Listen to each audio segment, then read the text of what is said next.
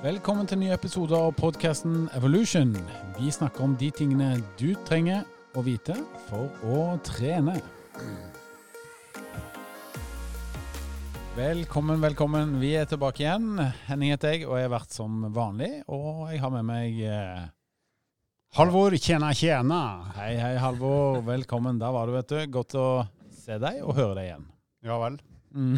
og så har vi med oss den eminente Uh, Andreas. Andreas. Og vi er på plass for å snakke til alle dere som sitter der hjemme eller ute på løpetur, gåtur, sykletur osv. Um, Alle som er på tur. Ja. Uh, det er blitt veldig vanlig det vet du, med å ha- høre på podkast mens man beveger seg, og det, det er jo kult, da. Det er Ett problem med det er at da må du gjøre to ting samtidig, og det får ikke jeg til. Jeg kan ikke gå og høre på noe samtidig. Nei, men alle kvinner får det jo til, ifølge myten. Korrekte mundo. Mhm. Og i dagens episode så skal vi snakke om løping. Fordi at uh, i disse tider, koronatider, så er det sånn at uh, veldig mange har uh, enten fortsatt å løpe fordi de gjorde det før, eller starta med løping. Det er veldig mange som har fått litt fart på løpetrening sin nå, og da tenkte vi at vi skulle dele en del tips og råd vi til løperne. Ja, litt praktiske tips på hva kan du gjøre for å løpe fortere enn du gjør nå. Mhm. Og kanskje jeg skal spørre deg først, da, Halvor, du som er blitt litt av en syklist eh, på dine eldre dager, skulle jeg til å si. Middelaldrende dager. Eh, Det kan hende at eh, jeg dør så snart at det er mine eldre dager, faktisk. ja, man vet vel strengt tatt aldri, men eh, forhåpentligvis så har vi det her i mange, mange år med god, fortsatt god humor. Men eh, løping, det driver du kanskje ikke så mye med akkurat nå. Nei, nå har denne landeveissykkelen tatt uh, veldig mye fokus egentlig i fire måneder. Så fra å være en uh, helt medioker uh, løper som Vi har jo løpt mye til og fra jobb, men de siste fire måneder så har jeg rett og slett nesten bare Nesten bare sykla istedenfor å løpe, med noen få unntak. Og da er det stort sett noen korte spurter på, på fotballtreninga til sønnen min.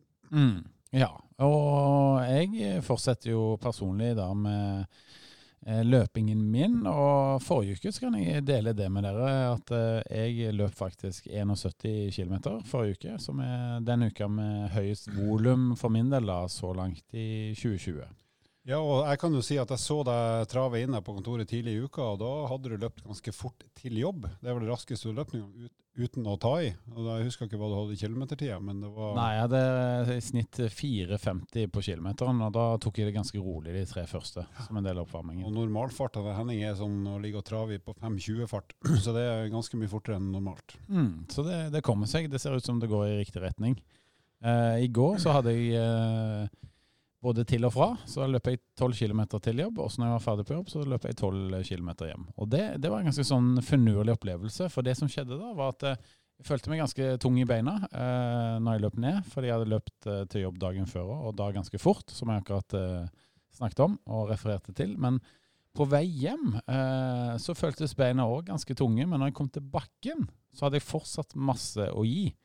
Så jeg klarte fint å, å, å gi skikkelig gass opp bakken og få ei god økt ut av det. Og det, det er jo litt spesielt da når man allerede har løpt eh, 18 km på den dagen, og da guffer av gårde opp bakkene og egentlig føler at jeg har masse å gi. Det kan hende at treninga endelig begynner å gi resultat. Oh, der kom han, vet du, med sin eh, trivelige bemerkning. Men eh, det er en ganske god følelse da, å ha løpt så langt og, og allikevel ha masse energi til bakken og føle at det går ganske bra. Syns du det nå er verdt det at du ikke har trent styrketrening på seks måneder? Den opplevelsen. Uh, ja, det er egentlig et godt spørsmål. Jeg var nesten til å si ja her. Men eh, jeg savner spesielt uh, benkpress, eh, pullups. Det må jeg si, altså. Den dunkende følelsen i brystet etter en god benkpress. ja, du refererer til pump, men uh, ja. Det er vel noe med, noe med det. Men jeg savner jo å ha deg med på løpeturen da, Halvor. Er det noe comeback eh, her snart som vi kan eh, dele med lytterne? Jeg kan avsløre med en gang at eh, det jeg skal justere på i mitt særdeles enkle treningsopplegg, det er at fra og med høsten, når vi er ferdige å tråkke ute, så skal jeg begynne å ha en fast mot, motbakkeintervall på mølle, sånn at jeg får opp kapasiteten på hjertet igjen. For jeg tror det hjertet mitt slår litt svakere og fylles med litt mindre blod nå enn det gjorde når jeg sprang mer, så jeg må jazze opp det igjen. Mm, da ser jeg fram til å ha ditt eh, blide slash sure selskap med på løpetur. Andreas, hvordan står det til med deg? Du er vel den sprekeste løperen av oss tre, for å si det sånn. I hvert fall tidsmessig. Ja, jeg bare sitter her og tenker på at uh, innsalget til Halvor for å løpe intervaller, det er kanskje ikke det alle andre syns er den beste markedsføringa. Jeg vil at hjertet mitt skal pumpe mer blod, for det slår ikke like hardt. Det er jo det som skjer, men uh, de fleste liker jo at man pakker det litt inn og får det til å høres litt uh... Ja, Halvor var rett på sak. Her var det snakk om slagvolum. Ja. Mm. Hashtag den følelsen.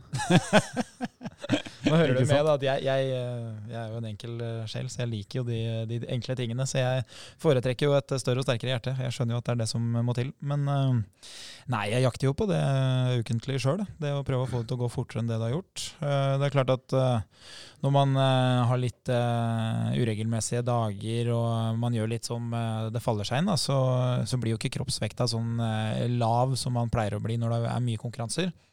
Og en fire-fem kilo eh, høyere enn vanlig, det gjør jo at man løper eh, litt saktere.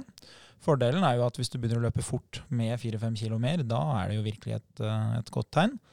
Men så er det jo en annen ting som jeg har, jeg har merka den uka som har gått, eller fra, fra, slutten av forrige uke, og det er at jeg tilpasser meg veldig dårlig varme.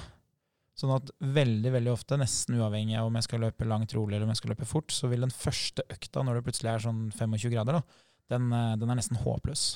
Og jeg ser også at en del som jeg følger på, på Strava, har det samme problemet.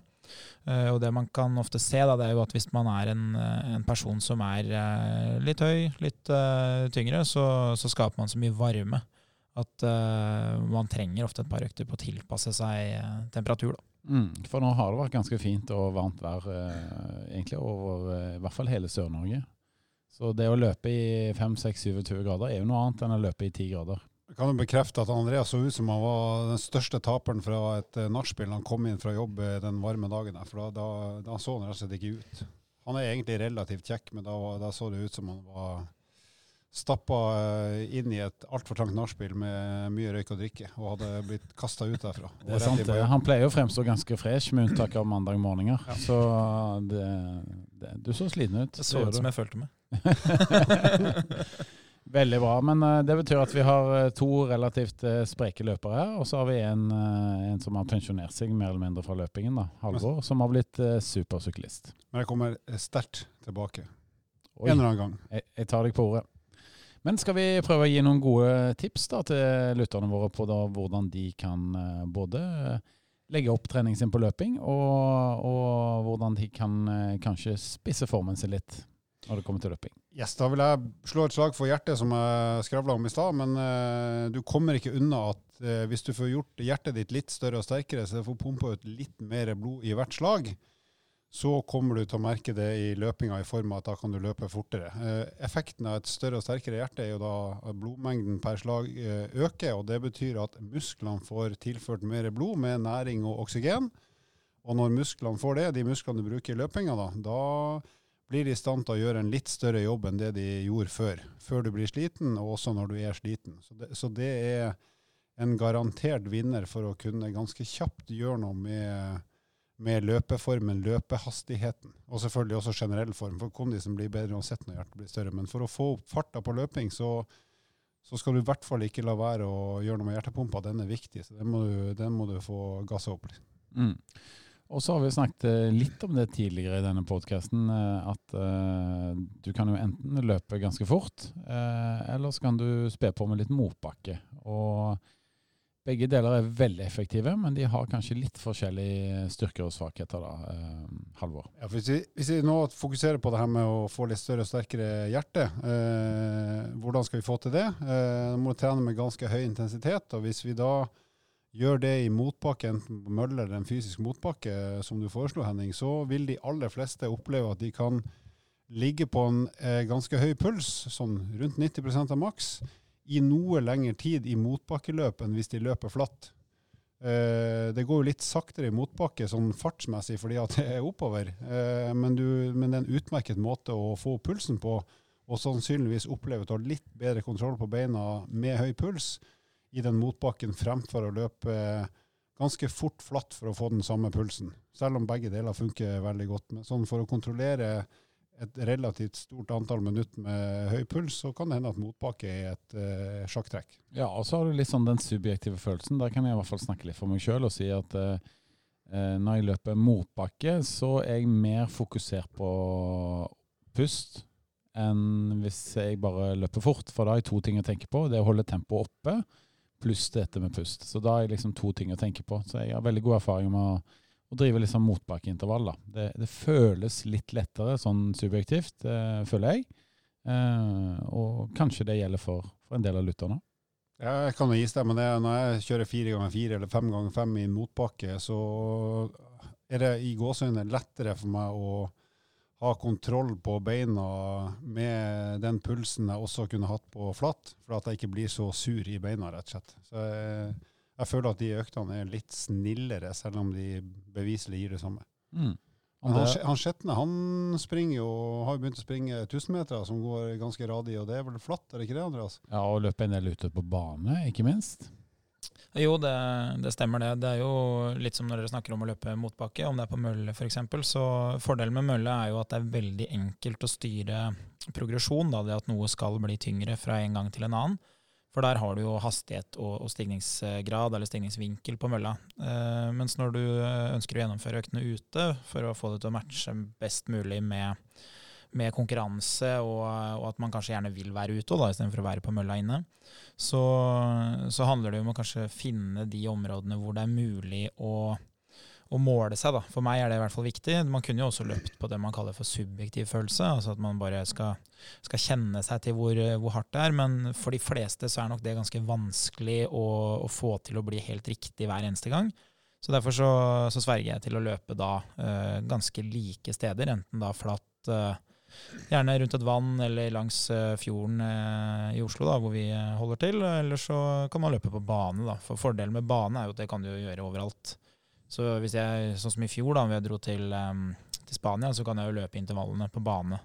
Det er noen 400 meter langs lista på spanske baner òg. Uh, er 400, 400 meter det samme i Spania som Norge? 400 meter er, uh, er det samme, men på en friidrettsbane i Strømstad.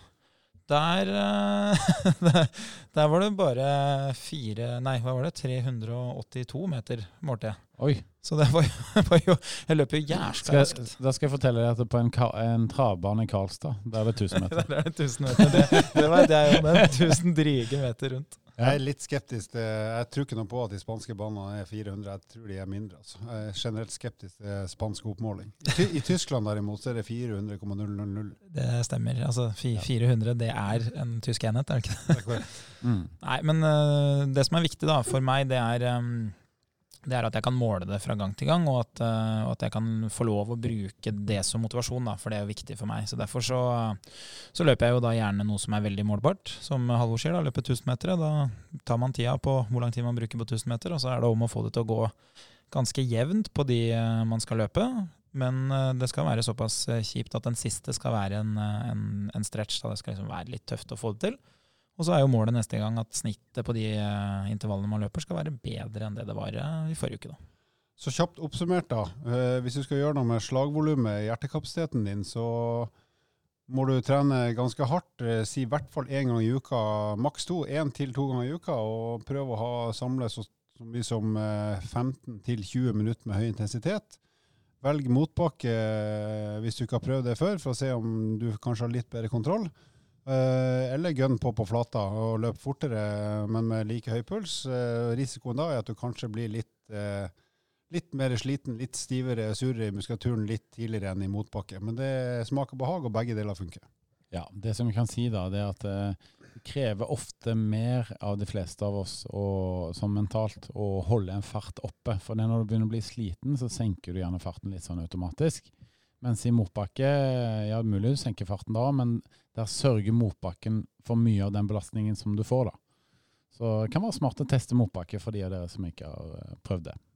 Ja, altså, ja, nå begynner jeg å få ganske god erfaring med å trene utrente mennesker eh, i kondisjon. Da. Altså, de, de har veldig lite erfaring med det å, det å løpe eller å, gjøre sin aktivitet. Og så er det jo en ting som er viktig for meg, og det er jo å skape en logikk rundt hvorfor vi skal gjøre det. Eh, jeg er jo veldig sånn til at jeg kan, jeg kan nesten finne meg å gjøre hva som helst hvis jeg vet at det er en årsak til at vi skal gjøre det.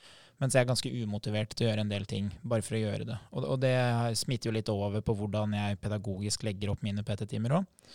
Så det jeg pleier å si da, til de som er helt uviten om hva de skal gjøre og hvorfor de skal gjøre det, så pleier jeg å si at vi må ha én tøff økt, som Halvor sier, da, med, med, en del minutter hvor hjertet slår veldig, veldig mye.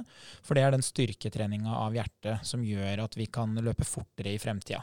Og fortere i fremtida det betyr også at vi kan bruke flere kalorier, eller vi kan tilbakelegge lengre distanser. Men så pleier jeg også å si at vi må ha en rolig trening. Og fordelen med den rolige treninga er at kroppen blir bedre til å bruke det oksygenet som vi har til stede.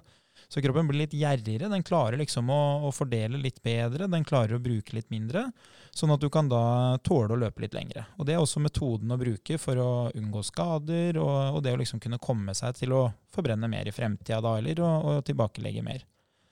Og um, når man legger det opp sånn, da, så er det litt mer eh, enkelt å forstå at langt og rolig, det er litt mer eh, trivelig. Det kan bli litt kjedelig. Eh, mens kort og hardt, det er fort ferdig, men det, det er litt tøffere. Og et spørsmål som dukker opp, da, det er kanskje det eneste spørsmålet som vanligvis kommer, det er hvorfor kan vi ikke da ha enda kortere intervaller? For jeg legger jo veldig ofte opp til at det er to minutter, tre minutter, fire. Hvorfor kan vi ikke ha f.eks. 20 sekunder eh, løping og 10 sekunder pause? Og det kan man selvfølgelig ha, men da er det jo tilbake til det Halvor sier, om at man ønsker gjerne å ha si rundt 20 minutter da, med høy puls. Og Hvis man da begynner å legge sammen 20 sekunder pluss 20 sekunder, så skjønner man at det blir en veldig veldig lang økt å skulle ha så høy hastighet på. For du må jo ha veldig høy hastighet når du får så mange pauser hele tida. Hvis du da skal få pulsen til å holde seg høy. Så derfor så, For de fleste så vil det være mye mer gunstig å velge en sånn type motbakkeløsning med flere minutter, som dere snakker om, kontra da å velge veldig mye kortere intervaller for da må du Det høres deilig ut før start, men idet du står oppi det, så må du være veldig tøff med deg sjøl til å tørre å holde det oppe. Men eh, stikkord du nevnte var det her med den langkjøringa. Altså det betyr rett og slett en uh, rask gange eller rolig joggetur uh, der du ikke skal være spesielt sliten, men rett og slett bare samle minutt og helst også en hyggelig opplevelse på mølla eller ute. Som også er en viktig del av det å bli en, faktisk en raskere løper. og Du kan ikke bare springe fort og hardt hele tida, for da blir du helt eh, kokt i muskulaturen, og, og, du kommer fort til å løpe saktere og saktere. Så, så det med å ha i hvert fall én til to lange, kall det hyggelige turer, da, eh, der du tar det med ro og ikke skal ha noe melkesyretrøbbel i det hele tatt, snakketempo, kall det hva du vil, det er smart for å få muskulaturen til å bli flinkere til å bruke det oksygenet du får levert i blodet ditt, altså fra hjertet og, og via blodet til muskulaturen, eh, sånn at muskulaturen din rett og slett blir en mer effektiv altså blir mer effektivt tilpassa det å løpe. Ja, og en ting som man ser tydelig da, hvis, uh, hvis, du trener veldig mange mennesker som har lite erfaring med kondisjonstrening, så en ting som er, blir veldig tydelig kjapt, da, det er at de aller fleste mennesker de har ikke god nok kondisjon til å kunne løpe sammenhengende. For selv det å løpe på den laveste hastighet krever at du har en viss mengde kondisjon, som gjør at du kan få tak i nok oksygen. Og veldig mange har ikke den kondisjonen inne. Så det jeg ofte starter med, da, og som må til for å få det til å funke, det er at man er nødt til å kanskje legge opp en økt som om det skulle ha vært en type intervalløkt. Men målet er egentlig bare å få løping inn i da en sammenhengende tur. Så som Halvor sier, at en, en, litt lengre sammenhengende treningsøkt, den kan jo da gjerne være rask gange. Fordi det, det, er ikke fysisk mulig å løpe en lengre rolig tur. Så veldig mange av de som i dag løper sammenhengende kanskje i 30 minutter, 40 minutter av mine kunder, de begynte med å kanskje løpe ti ganger to minutter, som høres ut som en intervalløkt. Men det er egentlig den eneste muligheten til å få løpt 20 minutter. Det er en tilnærming til det å klare å løpe kontinuerlig. da. Mm. Det er egentlig det du sier. Jeg kan komme med et par praktiske eksempler. Eh, fruen min da, eh, hun er jo personlig trener, og hun hadde en som hadde lyst til å, å eh, både gå ned i vekt og få bedre kondisjon, og spesielt nå etter koronatiden. Og hun spurte meg hvordan kan jeg legge opp en intervall som er for eh, en som ønsker å komme i bedre form, men som ikke har så god kondisjon eh, akkurat nå. da. Og vi fant en bakke som var på 400 meter. Eh, og den har de da begynt å gå sammen på PT-timen. Så da går de den fra bunn til topp, alt mellom fem og ti ganger. da. og da småjogger de ned, og så går de opp igjen. Og Det er et veldig praktisk og fint eksempel på hvordan du kan skape en intervalløkt. I tillegg så, så, gjør de sånn som Andreas sier, at de småjogger og går om hverandre når de kjører en lengre tur. Men for de av dere som da ikke har PT, så vil jeg selvsagt anbefale det. Men har du ikke det, så på den langturen som Halvor snakker om, så vil jeg si at det er et godt tips å enten ha med seg headsetet og høre på noe du syns er litt underholdende og litt gøy. For det som er problemet til mange, er jo ikke kondisjonen, det at de syns at det er kjedelig. Så at du putter litt underholdning inn i treningen, det kan være et godt tips. Eller at du får noe med deg, sånn at dere kan ha en samtale gående. Og ta gjerne på deg et svært headset så du ser ordentlig kul ut når du springer. Syns du det? Jeg har det sjøl. Jeg, vet, jeg vet at jeg ser ut som en dott. Men det er sånn det ja. Og så er det, jo, det er jo mange som sier det at de, de syns at løping er kjedelig. Men veldig vanlig, da, og en erfaring vi gjør oss, er jo at mange av de har såpass lav kondisjon at det er ikke kjedelig. Det, det er, er tungt. Det er vondt. Ja. Mm. Så, så, de har lagd seg en, eh, en, fin unnskyldning om at de syns det er kjedelig, men sannheten er at de har egentlig lite mestringsfølelse rundt det. Ja. Og en bonus uh, som kan ligge foran der, da, som en slags uh, gulrot, det er at hvis du kommer i god nok form, og får trent nok økter, da, sånn at du blir i så god form, så kan det være fint å tenke på at etter hvert så er det å løpe en rolig tur, det er på en måte samme type belastning som å gå en tur når meg og deg løper tur, Andreas, eller meg og deg, Halvor, så snakker vi om alt mulig. og ja, Diskuterer ulike problemstillinger, forteller vitser og har det veldig gøy sammen. ikke sant? Og det, Når du kommer i såpass god form at du kan løpe og ha en samtale, da åpner det seg en ny verden. da. Så jeg vil oppfordre flest mulig til å prøve å komme seg dit, eh, rett og slett. Og hvis du løper med en som er i litt dårlig da, så bør jo du føre ordet ikke sant? og primært stille ja- og nei-spørsmål til den som er litt mer andpusten. Ja. Ikke sant, Henning? Det er jo det du har gjort med meg. siste, siste halvåret, vil jeg si, men ikke før det. Da har det ofte, ofte vært mot omvendt òg. Så er det jo en ting som kan være greit å vite da, og ta litt forhåndsregler uh, for. og det er at uh, Når du løper intervall, eller når du skal løpe sammenhengende, så er det sånn at hvis du løper for fort for lenge, så ender du opp med å få så mye melkesyre at selv om du får en del minutter pause, så vil du på en måte ikke være klar igjen for å fortsette på samme intensitet. Så når du skal begynne å løpe, eller om du har løpt litt og har eh, litt sånn halvveis erfaring med det, så vil jeg nesten alltid prøvd å, å underby øktene litt. Altså underdrive litt belastninga og heller øke antallet treningsøkter. Jeg ville heller løpt to halvveis løpeturer i uka enn én som eh, går litt for fort fra start, og så må jeg avbryte. Og et sånt opplegg som, eh, som jeg har anbefalt en del ganger og, og brukt litt på, på, kunder, for å sikre at man hele tida får med seg en god start på treningsøkta, det er at man har, eh, hvis man er i god nok form, lang nok oppvarming. Så selve oppvarminga i seg selv blir en del av treningsøkta. Mens hvis man ikke er i stand til å løpe såpass lenge, så kan man uh, gjennomføre en økt hvor man alltid har ett minutt pause. Man skal alltid ha ett minutt pause, og så starter man med å løpe i 30 sekunder. Ett minutt pause løper i ett minutt, ett minutt pause. Løper i ett og et halvt minutt, ett minutt pause.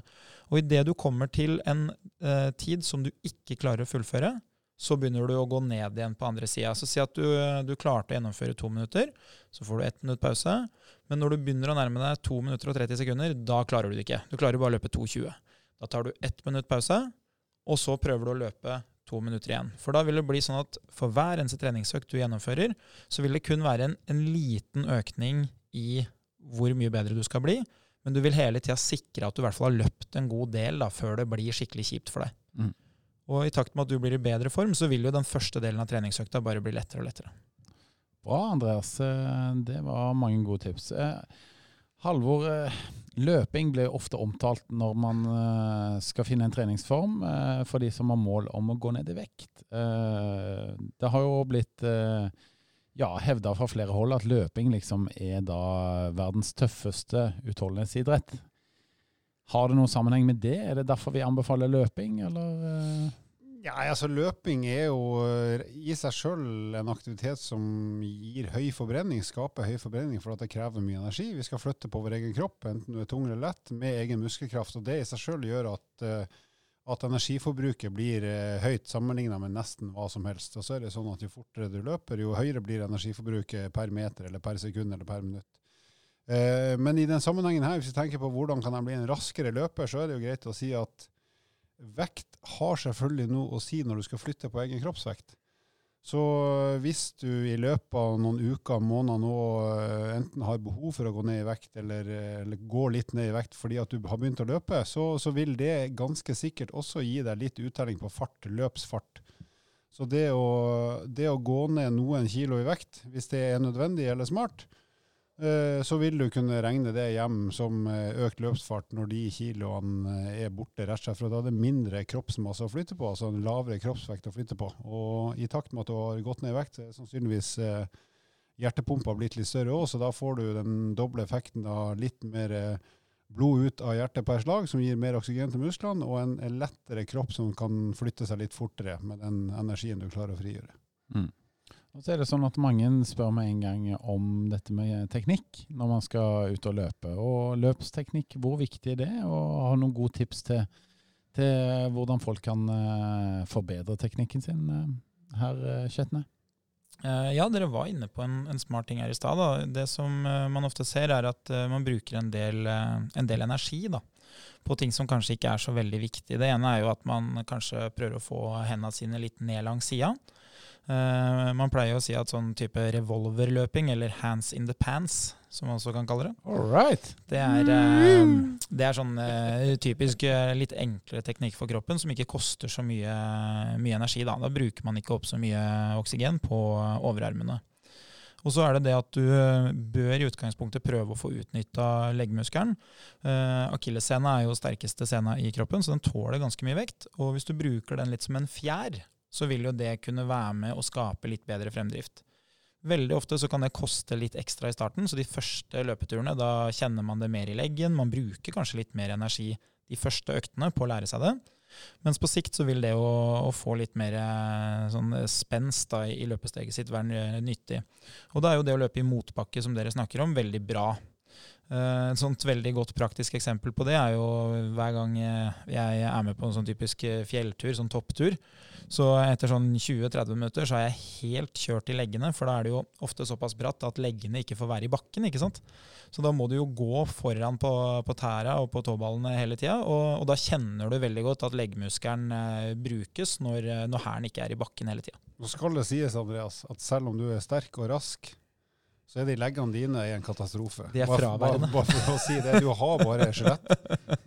det, det, det, er nesten så man skulle tro at beinstrukturen skaper kraft hos meg. For det fins ingen leggmuskel, men eh, det er et eller annet uh, og, Det må jo nesten være en sammenheng der. For at eh, vi både Nå skryter jeg av meg selv igjen her, da, men både meg og Halvor er ganske muskuløse legger. Men dine Dine, Andreas, og sønnen min sine på åtte år, de er omtrent helt like. Ja, for... En gang sønnen min gikk inn i stua, så tenkte jeg 'hæ, er Andreas her?' for, for, for, det stedet hvor det ikke er sammenheng, da, det er uh, for de som har sett leggene til faren min.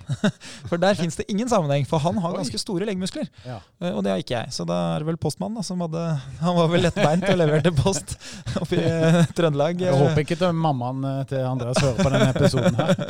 det er sikkert en genmutasjon. Ikke sant. Sveisen din er også helt ulik for det. Ja, det er faktisk. Ja, faktisk ja. Nei, og så... meg og Halvor er selvfølgelig bare misunnelig fordi du løper så fort. Ikke sant. Jeg er bare misunnelig fordi du er yngre enn meg. ja, alderen som er rett og slett misunnelsespunktet. Og han har hår, Halvor. Han har det driter jeg i. Jeg har hatt hår, jeg òg, jeg gjorde ikke noe ut av det. Så det bekymrer meg ingenting. Nei, noe, flere løpetips. Nei, det som eh, kan være smart, da, det er å prøve å få brystet opp og frem. Det er en sånn klassisk styrkeøvelsesgreie, men det gjelder også i løping. Eh, du skal nå ha masse oksygen i lungene, så det å prøve å etterligne litt frie luftveier, få blikket opp og frem, sånn at du får frigjort muligheten til å puste godt, det er, det er smart. Og så er det jo det å prøve å liksom tvinge seg sjøl til å puste. da. Altså, Sørg for at den lufta får lov å kjøre en tur nedom eh, lungene opp igjen. For det er veldig lett å bli litt knytt, det at man liksom trekker albuene inntil kroppen og knyttnevene opp. Men prøv å slappe av litt i overkroppen, for den skal i utgangspunktet ikke gjøre så veldig mye. Ja, du, ja. Apropos det med opp og fram. Det gjelder jo da, også Hvis du klarer å få brystkassa opp og fram, så vil du sannsynligvis også få hofta uh, opp og fram. Uh, som gjør at uh, du sannsynligvis får et litt spenstigere og lettere løpesteg. Så det, bare tenk opp og fram, så er det sannsynligvis bra for ganske mye. Mm. Jeg husker Andreas, du tipsa meg om her foran sentrumsløpet en gang, at uh, prøv å dra inn litt ekstra luft i lungene en gang og to. Uh, for å både få nok oksygen inn, men også for å restarte pustingen litt. Altså. Det syns jeg var et veldig godt tips når jeg skal løpe konkurranse. Ja, så bra. Jeg har av og til en, en del intervalløkter på mølle. Og Da får jo jeg stått ved siden av. Det er jo mye lettere for meg enn at jeg er med på øktene. For da, mm. hvis man har løpt en del, så løper jeg ofte foran ikke sant? For, å, for å holde farta. Mens på mølle kan jeg løpe ved siden av, og da kan jeg jo si sånn plutselig Nå er det du som har ansvar for pustinga. Og idet man blir bevisst sin egen pust, så er det fryktelig mye enklere å ta ansvar for at den, eh, den foregår på riktig måte. Og det å gjøre det som, eh, som en utøver selv, da, det er jo ikke alltid like lett. Men det å liksom av og til pense inn på at ok, nå må jeg ta ansvar her i fire-fem pust. For sånn fysiologisk sett så vil um, pustefrekvensen den styres jo av hjernen. ikke sant? Det er jo en automatikk som du ikke trenger å tenke på. Og pustefrekvensen den øker i takt med behovet for oksygen. Sånn at uh, man ser når du er helt oppe i det som ofte er da liksom helt sånn rød sone, og, og, man begynner å se at uh, nå er det ikke nok oksygen, da, da ser man på, på tester da, at, uh, at, kroppen bare begynner å hyperventilere, og så får man mindre luft tilgjengelig. Så for den som er såpass god til å drive med kondisjon, og som konkurrerer litt, så det å være bevisst pusting på slutten av et løp, når det begynner å nærme seg ferdig, det vil nok kunne gi litt høyere mm. utnyttelsesgrad. Da. Ja, veldig godt tips, og ikke minst eh, kanskje noe som eh, veldig mange ikke har tenkt på mm. eh, når det kommer til løping.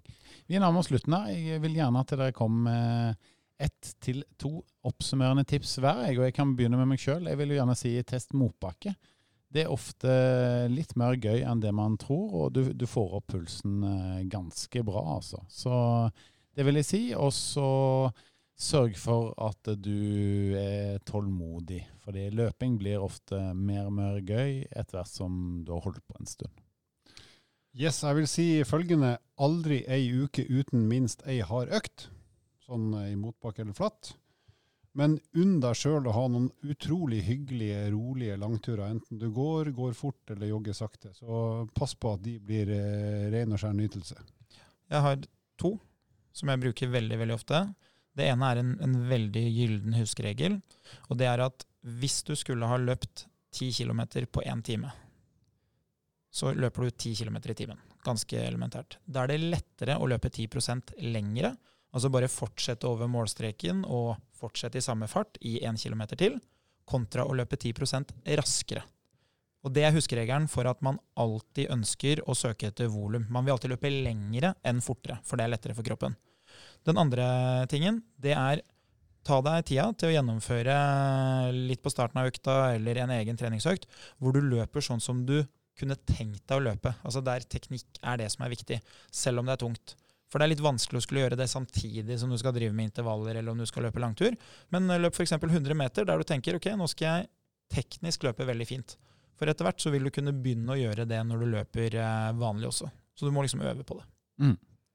Og husk på det at eh, trening det er en treningsform hvor du får veldig mye ut av tiden din. altså. Eh, både hjerte og lunger får kjøre seg, og du får, eh, får av kondisjonen og får brukt beina, som er de store muskelgruppene som det inneholder. Så jeg vil si at løping det er rett og slett trening med mening. Løping har kommet for å bli. Ja, og for de som lurer på hvordan underlag, så vil jeg si at alt underlag er bra, selv asfalt. Men du må bare huske å starte med en mengde som du tåler. Så start rolig, og løp litt lengre hver uke. Og Da kan du løpe om det er på asfalt, om det er på sti. Løp hvor du vil. Også i Spania. Også i Spania, selv om det da er 50 grader i sola. Men det er tross alt kortere 400-metersbane. Ja, det er sant. Med det sagt så tror jeg vi sier eh, takk for oss. Det har vært en givende episode. Veldig kjekt å snakke om løping, eh, kjenner jeg iallfall, som, som er en løping. Og løping er liksom halmstrået mitt nå til trening, da, som, nå som jeg ikke får trene styrke. Ja, jeg sjøl så er jeg skuffa over at vi ikke har snakka mer om sykling i denne løpeepisoden. Men det skal jeg leve med. Uh, du får komme med et opplegg, og så får vi Så ser vi på det, og så forkastes det. Takk for det. ja.